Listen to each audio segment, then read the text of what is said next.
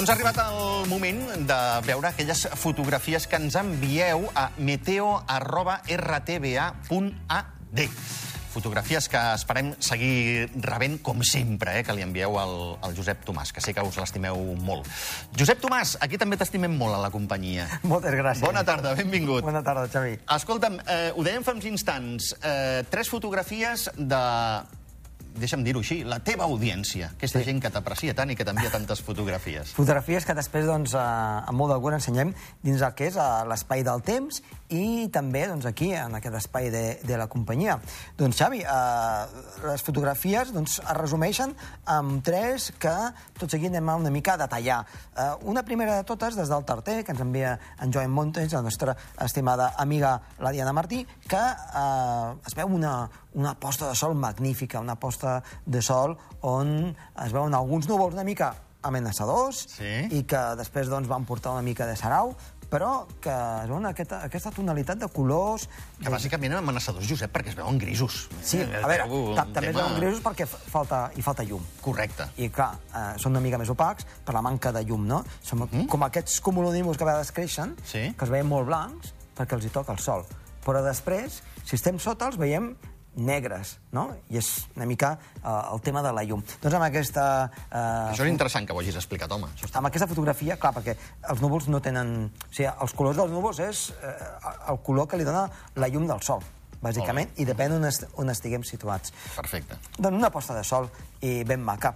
Eh, ens anem ara cap a, cap a la zona, en aquest cas, d'Ordino, la Massana, mirant cap al pic del Carroi. Molt bé. El nostre amic Òscar Martí també ens envia eh, aquesta fotografia que eh, es descriu com el pic del Carroi, Sí. eh, una mica difuminat, perquè hi ha pols en suspensió. Val. Altra la setmana, vegada... La setmana passada ja en vam parlar. També eh? en vam parlar, en vam parlar. Val. I això ens anunciava vents de component sud, que arribaven núvols, també doncs, eh, hi ha un cel enterbolit, i després va acabar descarregant a la nit una tempesta ben forta.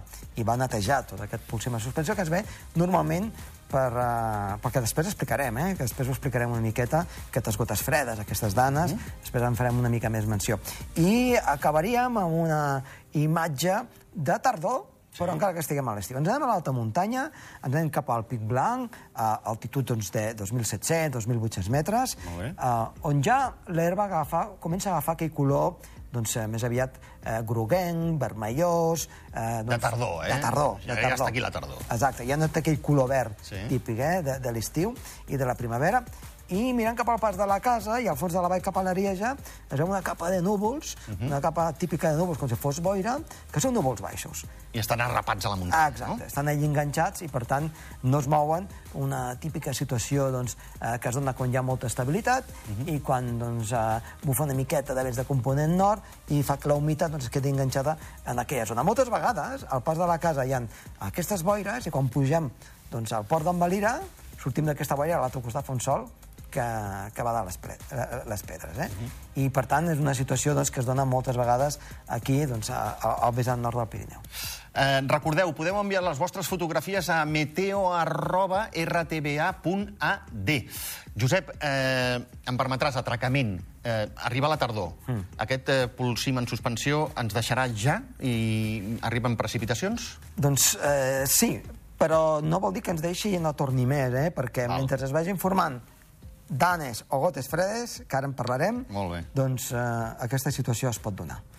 Doncs vinga, m'ho has posat, me l'has posat curtet al peu. Eh? Exacte, eh? M'ho has posat Rasa perfecte, peu, això. al sí, peu. sí, perfecte. Doncs mira, què és una dana? Va, què és una dana, Una i dana. com es forma? Exacte. És una depressió aïllada en alçada. Eh, a, a la Terra hi ha corrents eh, eh, de vent amb, amb velocitats molt altes, a, a molta alçada, i que van des de l'oest cap a l'est.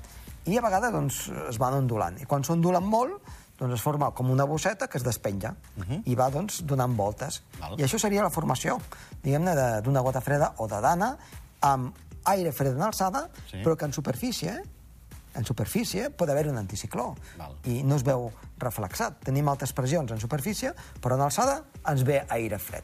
Val. I aquí es crea un contrast. Si li sumem després, ara ho explicarem amb més detall, eh? Sí. calor, de, per exemple, de, de la mar Mediterrània o també de l'oceà eh, Atlàntic, per què no? Doncs aquí pot mm, formar tempestes eh, que poden ser fins i tot fortes. Val. I eh, la manera en què es forma aquesta, aquest embussament d'aire fred, uh -huh. com diem, és amb una ondulació. Sí. És amb una ondulació que, eh, on es veu eh, que doncs, amb aquests corrents en alçada, eh, que formen des de, des de l'oest cap a l'est, doncs, eh, van agafant cada cop més com si fos una curva. Val. Val? Sí. I, I en aquestes curves eh, el, el que es forma és com, com una bosseta que es va despenjant i se'n va anant doncs, a latituds que no li corresponen. Tenim una imatge doncs, que ens, ens ho mostra, que l'anem a descriure, Mm-hmm. Molt aquesta bé. imatge doncs, d'aquesta bossa d'aire fred que se'n va cap al sud Sí. i que al cap i la fi es despenja, es desmarca del que seria el corrent en general i queda allí a mercè una mica dels vents locals. I quan són els vents locals no saps cap on va. La, la ciència avui en dia encara no està prou avançada per eh, determinar amb exactitud milimètrica què és el que pot passar. Ens acostem molt, eh? Sí? però, però exactament no.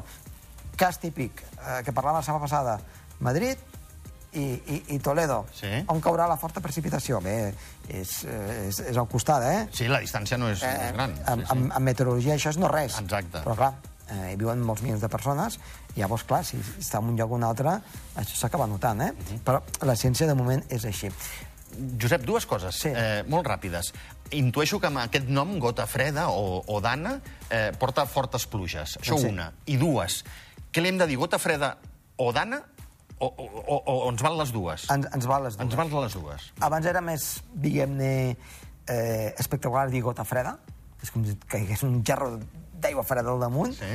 I ara és més científic, diguem-ne, en el món periodista s'ha agafat una mica més d'ana, perquè, diguem-ne, estem explicant una cosa doncs, que té un rigor científic i, i dona una mica més de caché que no pas dir, dir gota freda. Però I queda molt bé allò de dir depressió aïllada Ah, no, de nivells alts, no? Sí, exacte. Però, eh, en general, um, dintre, dintre que és el món de la meteorologia en diem una dana. Molt bé, eh? molt bé. Ta- També es pot dir gota freda, sense cap... Sense cap problema, molt cap bé. problema, no? Perfecte. Eh, anem a veure a nivell de superfície què és el Sí. que passa. Ens anem cap a, cap a la mar, Mediterrània, per exemple, i, i esquemàticament doncs, eh, eh, doncs hi ha una eva evaporació del mar, perquè estem a l'estiu o a la tardor, temperatura de l'aigua 22, 25 graus, fins i tot més, fins i tot 28, 29, que ha passat doncs, eh, aquest estiu, i eh, tot aquest, eh, aquest aire càlid que, que es va evaporant se'n va cap a dalt. I a dalt, com que ha entrat aire fred, Sí? doncs és com si fiquem a la nostra aigua que està bullint, eh, que ten, estem bullint allí patates, doncs ho tapem.